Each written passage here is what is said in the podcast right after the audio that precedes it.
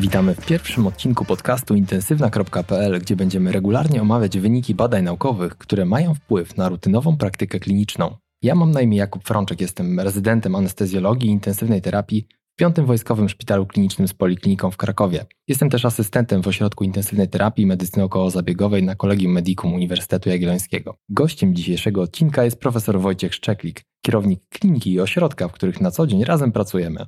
Dzień dobry Państwu, witaj Kuba. Jest mi bardzo miło, że razem możemy zainaugurować cykl podcastów intensywna.pl. Zanim spróbujemy odpowiedzieć na dwa pytania kliniczne dotyczące profilaktyki przeciwzakrzepowej i wsparcia oddechowego u pacjentów z COVID-19, opowiedzmy w kilku słowach naszym słuchaczom, dlaczego zdecydowaliśmy się rozpocząć podcast i co kryje się pod nazwą intensywna.pl. Po kilku latach owocnej współpracy z serwisem Medycyna Praktyczna i Intensywna Terapia stwierdziliśmy, że przyszedł czas zrobić kolejny krok i stworzyć własną stronę internetową, która odda ducha naszej konferencji Forum Intensywnej Terapii zintegruje różne zawody medyczne opiekujące się krytycznie chorymi pacjentami. Celem intensywna.pl jest dzielenie się wiedzą opartą na najnowszych dowodach naukowych i budowanie otwartej społeczności krytycznie myślących osób związanych z medycyną, które chcą opierać swoją praktykę kliniczną bardziej na faktach niż opiniach. Tak więc zapraszamy do regularnego śledzenia strony www.intensywna.pl i naszego profilu na Facebooku intensywna.pl, gdzie znajdziecie najnowsze odcinki podcastu, których polecamy słuchać w drodze do pracy albo w trakcie aktywności fizycznej.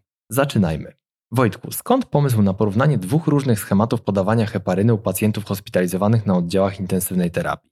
To temat, który jest bardzo istotny w leczeniu pacjentów z COVID-19. E, dosyć wcześnie w trakcie pandemii przekonaliśmy się, że COVID-19 ma bardzo silny wpływ prozakrzepowy. Mamy już teraz dostępne metaanalizy dużych badań klinicznych, które sugerują, że częstość takich epizodów zakrzepowo-zatorowych wynosi nawet 14% u pacjentów hospitalizowanych, a u pacjentów na intensywnej terapii to jest jedna piąta pacjentów, także olbrzymia ilość chorych. Warto zaznaczyć, że choroba zakrzepowo-zatorowa występowała u hospitalizowanych pacjentów pomimo stosowania profilaktycznych dawek heparyn.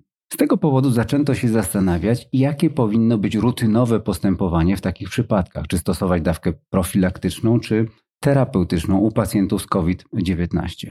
W wielu miejscach stosowanie dawek terapeutycznych stało się standardem pomimo braku dowodów na skuteczność tego leczenia, jak również wbrew naszym dotychczasowym przekonaniom, że dawki terapeutyczne powinny być zarezerwowane do leczenia zdiagnozowanej choroby zakrzepowo-zatorowej. Równocześnie nie możemy zapominać, że stosowanie terapeutycznych dawek heparyn wiąże się często ze zwiększeniem powikłań krwotocznych. Także zagadnienie jest bardzo istotne i bez wątpienia e, mam nadzieję, że te, te badania, które dzisiaj omówimy, dadzą nam pewne odpowiedzi.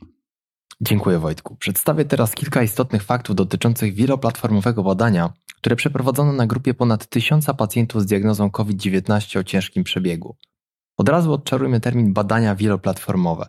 Chodzi tutaj o połączenie sił badaczy prowadzących trzy badania: REMAPCAP, Active 4A i ATAC, którzy zdecydowali się dostosować protokoły badań w taki sposób, żeby umożliwić wspólną analizę wyników. Sama idea badania platformowego polega na tym, że w czasie jego trwania możemy dodawać lub usuwać z badania leki w miarę napływu nowych danych, co może być bardziej efektywne niż klasyczny eksperyment, gdzie często porównujemy tylko jeden lek i placebo i pozwala szybciej ustalić, które terapie są najbardziej skuteczne. Do badania włączano pacjentów z diagnozą COVID-19 potwierdzoną testem laboratoryjnym o ciężkim przebiegu, wymagających intensywnej terapii. Z badania wyłączano m.in. pacjentów, którzy przebywali na OIT od ponad dwóch dni, mieli wysokie ryzyko krwawienia lub występowały u nich inne wskazania do leczenia przeciwkrzepliwego. Testowana interwencja to terapeutyczne dawki heparyny niefrakcjonowanej lub heparyny drobnocząsteczkowej podawane zgodnie z lokalnymi protokołami leczenia żylnej choroby zakrzepowo-zatorowej przez 14 dni lub do momentu wyzdrowienia, definiowanego jako wypis ze szpitala lub brak konieczności stosowania tlenoterapii przez co najmniej 24 godziny. Kontrola to standardowa profilaktyka przeciwzakrzepowa z wykorzystaniem niskich lub średnich dawek heparyny w zależności od lokalnej praktyki.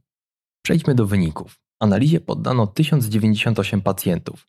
U ponad 90% pacjentów w grupie terapeutycznej stosowana była heparyna drobnocząsteczkowa.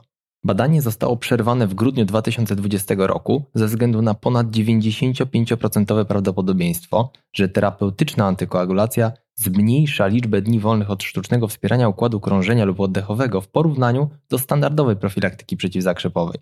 Prawdopodobieństwo, że terapeutyczna dawka heparyny zmniejsza szanse przeżycia do wypisu ze szpitala określono jako 89,2%.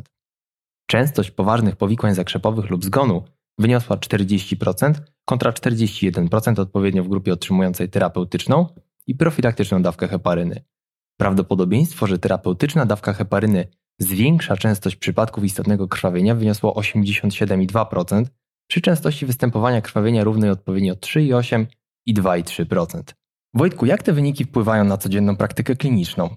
Kuba, biorąc pod uwagę e, wyniki badania, które przed chwilą przedstawiłeś, jak również wyniki innych badań, które ostatnio się ukazały, takie jak Inspiration czy Action, które są zgodne z tym, które przed chwilą omawialiśmy, to w moim przekonaniu absolutnie nie powinniśmy stosować standardowo terapeutycznych dawek heparyny bez innych wskazań e, terapeutycznych u pacjentów leczonych w oddziałach intensywnych terapii. A czy są jakieś sytuacje szczególne, w których powinniśmy zastosować dawkę terapeutyczną pacjenta z COVID-19 na oddziale intensywnej terapii? Jak zwykle, my musimy się kierować kliniką, także na pewno takie wskazania są. Jeżeli mnie pytasz, w jakich wskazaniach ja bym zastosował dalej dawkę terapeutyczną, to myślę, że Przychodzi mi na myśl kilka takich sytuacji klinicznych. Na pewno zastosowałbym dawkę terapeutyczną, a za taką uważam na przykład dawkę enoksaparyny w dawce 1 mg na kilogram stosowanej co 12 godzin. W przypadku silnego podejrzenia e, żylnej choroby zakrzepowo-zatorowej, aż do momentu jej wykluczenia lub potwierdzenia. Czyli na przykład, jeżeli mamy taką sytuację, że podejrzewamy zatorowość płucną, a w jaki sposób opóźnia nam się możliwość wykonania tomografii komputerowej płuc, albo pacjent jest zbyt mało stabilny, żebyśmy mogli to badanie wykonać, ja włączyłbym tą dawkę terapeutyczną. Rozważyłbym zastosowanie dawki terapeutycznej również u pacjentów, którzy mają wysokie ryzyko powikłań zakrzepowych. I w jakiej sytuacji? Może jeżeli na przykład mamy pacjenta, który w przeszłości, w swojej historii chorobowej ma przebytą zakrzepicę, równocześnie jest otyły, ma ciężką niewydolność oddechową, u takiego pacjenta rozważyłbym zastosowanie e, dawki terapeutycznej. I również mamy takie sytuacje, które myślę wszyscy obserwowaliśmy lecząc pacjentów z COVID-19 w oddziałach intensywnej terapii, że dochodzi do takiego nadmiernego wykrzepiania w zasadzie wszędzie, wszystkich dostępów naczyniowych, układów do hemodializy albo ECMO, pomimo stosowania terapii profilaktycznej. I u tych pacjentów również zastosowałbym dawkę terapeutyczną. A równocześnie myślę, że odszedłbym od tego, co, co, co stosowaliśmy na początku, co używaliśmy na początku, czyli dostosowanie w zależności dawki heparyny w zależności od poziomu dedimerów. Badanie, które przedstawiłeś, y, sprawdzało również te poziomy dedimerów y, w poszczególnych grupach i nie było korzyści dostosowywania dawki w stosunku do właśnie do dedimerów. Także na to bym już specjalnie jakoś nie patrzył i tym się nie sugerował. Zatrzymajmy się teraz na chwilę i spróbujmy odnieść wyniki, które omówiliśmy do siostrzanego badania obejmującego pacjentów z COVID-19, którzy wymagali hospitalizacji, ale nie wymagali przyjęcia na oddział intensywnej terapii. Prawdopodobieństwo, że stosowanie terapeutycznych dawek heparyny zwiększa liczbę dni wolnych od terapii wspomagającej pracę narządów oceniono w tym badaniu na prawie 99%, a w kwestii powikłań krwotocznych i zakrzepowych nie udało się wykazać istotnych różnic pomiędzy grupami. Wygląda więc na to, że zastosowanie terapeutycznej dawki heparyny ma korzystny wpływ u mniej ciężko chorych pacjentów hospitalizowanych na oddziałach szpitalnych, w przeciwieństwie do pacjentów wymagających intensywnej terapii. Z czego to może wynikać? To na pewno dla nas duże zaskoczenie. Spodziewaliśmy się, że będzie dokładnie na odwrót i że to pacjenci na intensywnej terapii będą wymagali wysokich dawek tera terapeutycznych dawek heparyny, a, a na oddziale poza intensywną terapią e, dawka profilaktyczna wystarczy. Czemu tak jest? Trudno wytłumaczyć. Na pewno warto zwrócić uwagę na odmienności patofizjologiczne między łagodnym czy umiarkowanym, a ciężkim COVID-19. Ciężka postać COVID-19 wiąże się z nasiloną burzą cytokinową i aktywacją zróżnicowanych szlaków prowadzących do wiązania trombiny. Trombina w tej postaci jest trudniej dostępna dla antytrombiny, czyli głównego kofaktora heparyny. Można w związku z tym przypuszczać, iż w przypadku lekkiego lub umiarkowanego przebiegu COVID-19 trombina jest bardziej dostępna, co prowadzi do większej skuteczności heparyny. A czy tak jest naprawdę? Trudno powiedzieć. Jest jeszcze drugi potencjalny mechanizm, który może mieć na to wpływ. Być może heparyna, która ma również działanie przeciwzapalne, wykazuje korzystne działanie u pacjentów, u których nie doszło jeszcze do pełnego rozwoju tzw. Tak burzy cytokinowej, i zaawansowanego uszkodzenia narządowego. Po prostu może na stosowanie terapeutycznej heparyny u pacjentów na intensywnej terapii jest za późno. Mamy już do czynienia z niewydolnością wielonarządową, którą nie jesteśmy już w stanie odwrócić. Wojtku, bardzo Ci dziękuję, że przeprowadziłeś nas przez mandry patofizjologii. To nigdy nie jest łatwe. Oj, nie jest. to jest dosyć ciekawe, że w tym przypadku y, interwencja, czyli heparyna w dawce terapeutycznej lepiej działa u pacjentów, mm, którzy są mniej krytycznie chorzy. Natomiast w przypadku glikokortykosteroidów czy remdesiviru mieliśmy do czynienia z sytuacją odwrotną, prawda? Dokładnie tak, czyli kortykosteroidy działają lepiej u pacjentów, którzy są w cięższym stanie, czyli ten efekt działania kortykosteroidów był największy u pacjentów, którzy wymagali inwazyjnej mechanicznej wentylacji, dużo większy niż u pacjentów, którzy wymagali tylko tlenoterapii biernej, czy u tych, którzy nie potrzebowali tlenu w leczeniu. Mm. A Wojtku, co z taką sytuacją, kiedy pacjent, y, który jest hospitalizowany na zwykłym oddziale i otrzymuje terapeutyczną dawkę heparyny, jest przenoszony na oddział intensywnej terapii. Jak wtedy powinniśmy postąpić? Zmniejszyć tą dawkę do dawki profilaktycznej? Czyli gdy pacjent się pogarsza, tak? Tak jest. Wyniki badania, które omawialiśmy przed chwilą, nie odpowiadają niestety na to pytanie, także musimy się tutaj kierować naszą intuicją kliniczną.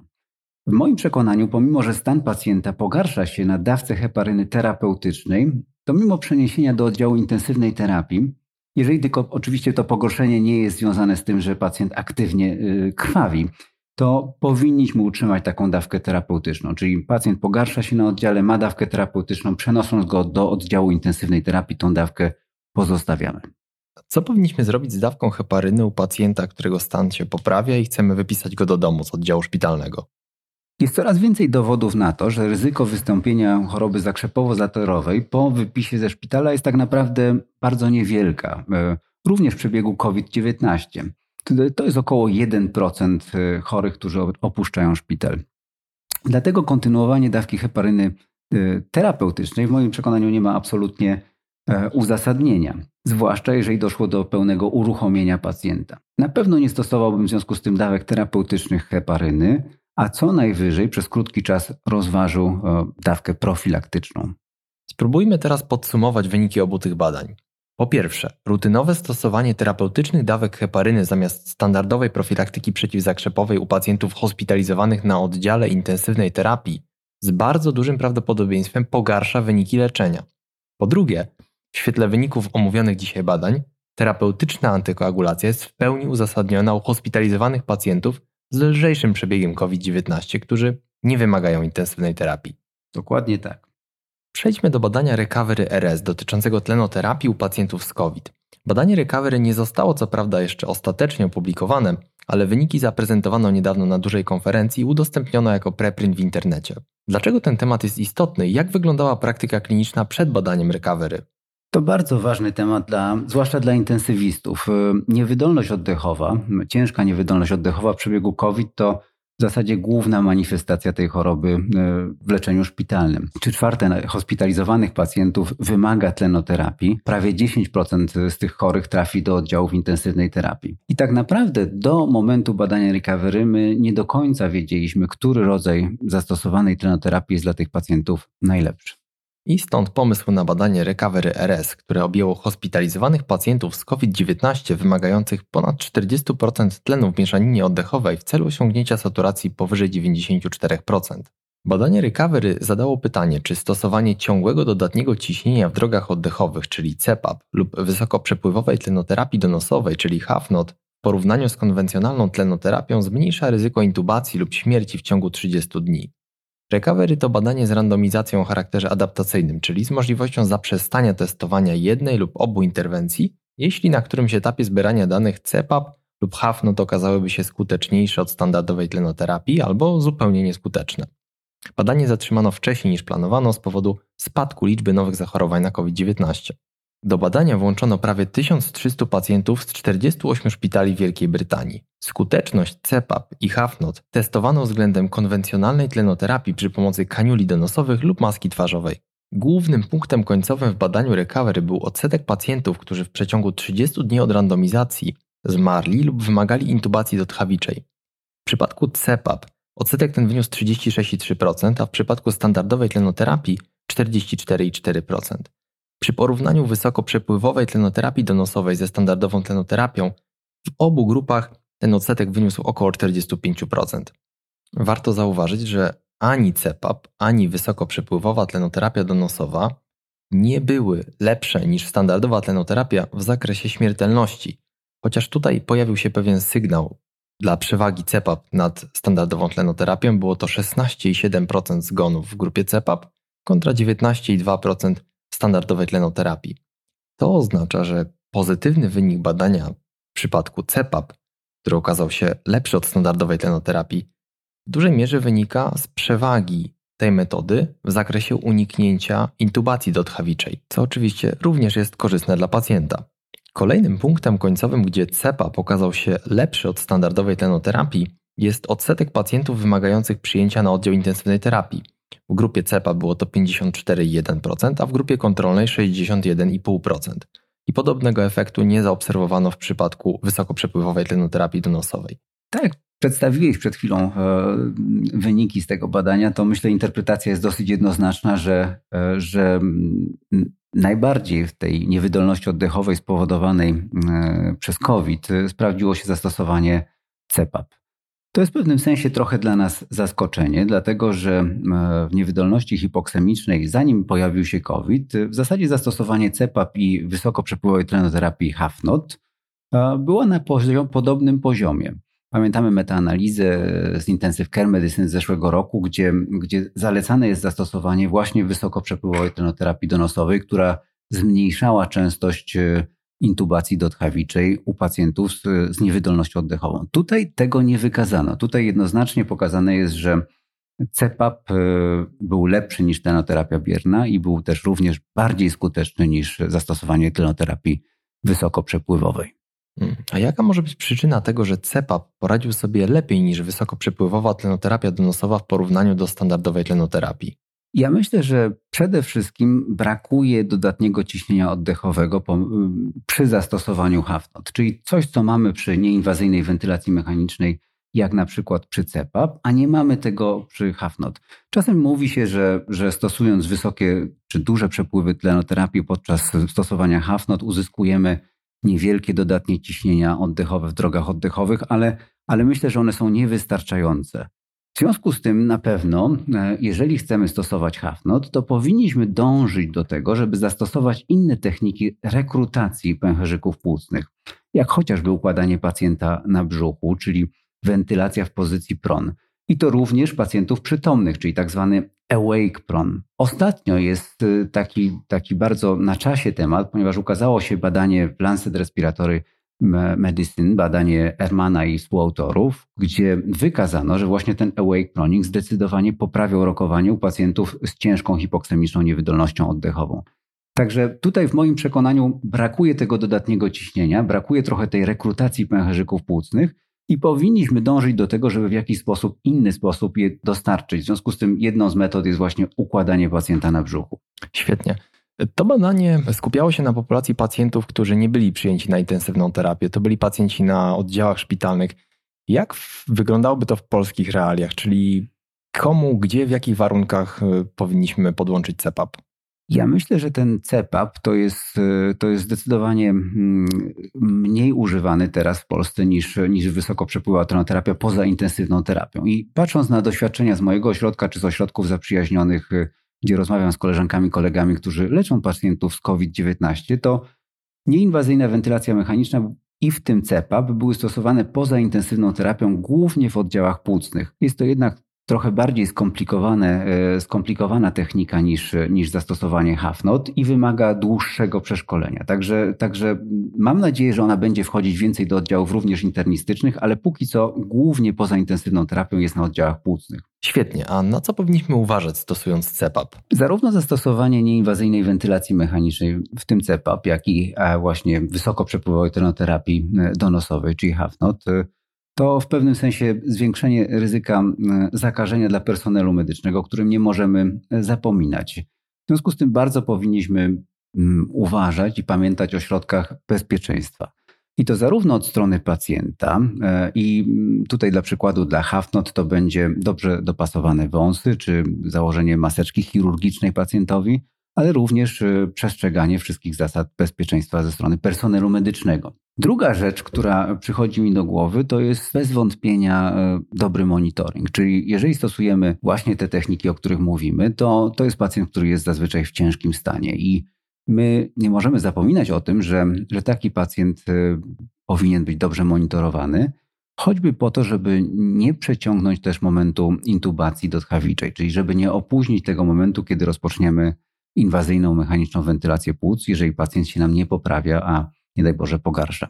Opóźnienie intubacji jest później niekorzystne, jeżeli chodzi o rokowanie pacjenta, zarówno jeżeli chodzi o śmiertelność, jak i o czas pobytu na intensywnej terapii czy, czy czas e, mechanicznej wentylacji. Czy powinniśmy mieć na uwadze, jakim zapasem tlenu dysponujemy, stosując wysokoprzepływową tlenoterapię donosową? Jeżeli stosujemy HAFNOT, to musimy pamiętać, że stosujemy przepływu tlenu na, nawet do 70-80 litrów na minutę. To jest bardzo dużo. To jest znacznie więcej niż podczas zastosowania CPAP-u czy, czy innego rodzaju mechanicznej wentylacji. W związku z tym, jeżeli w trakcie pandemii dochodzi do takiej sytuacji, że tego tlenu brakuje, no to ten HAFNOT na pewno nie będzie urządzeniem z wyboru. Jasne, bardzo dziękuję Wojtku. Spróbujmy podsumować wyniki badania Recovery RS. Spośród trzech metod CPAP, HAFNOT i standardowej tlenoterapii przy użyciu kaniul donosowych lub maski twarzowej, najbardziej korzystne w zakresie uniknięcia intubacji lub zgonu pacjenta wydaje się właśnie CPAP. Na koniec sekcja rekomendacji. Ja chciałbym polecić film dokumentalny Jak przetrwać zarazę Davida Frensa z 2012 roku, poświęcony epidemii wirusa HIV, a opowiedziany z perspektywy aktywistów z grupy ACT UP. Film jest nie tylko poruszający, ale stanowi też świadectwo postępu medycyny. W przypadku AIDS na skuteczną terapię czekaliśmy kilkanaście lat, a szczepionki nie ma do dziś. Co mimo wszystkich problemów, z jakimi boryka się współczesna nauka, jest niesamowite. Wojtku, czy chciałbyś polecić coś niekoniecznie związanego z medycyną naszym słuchaczom? Niezwiązanego z medycyną. To y, dopiero co skończyłem książkę ulubionego mojego pisarza, Kazuo Ishiguro, noblisty. E, I ta książka nazywa się Sara Envesan.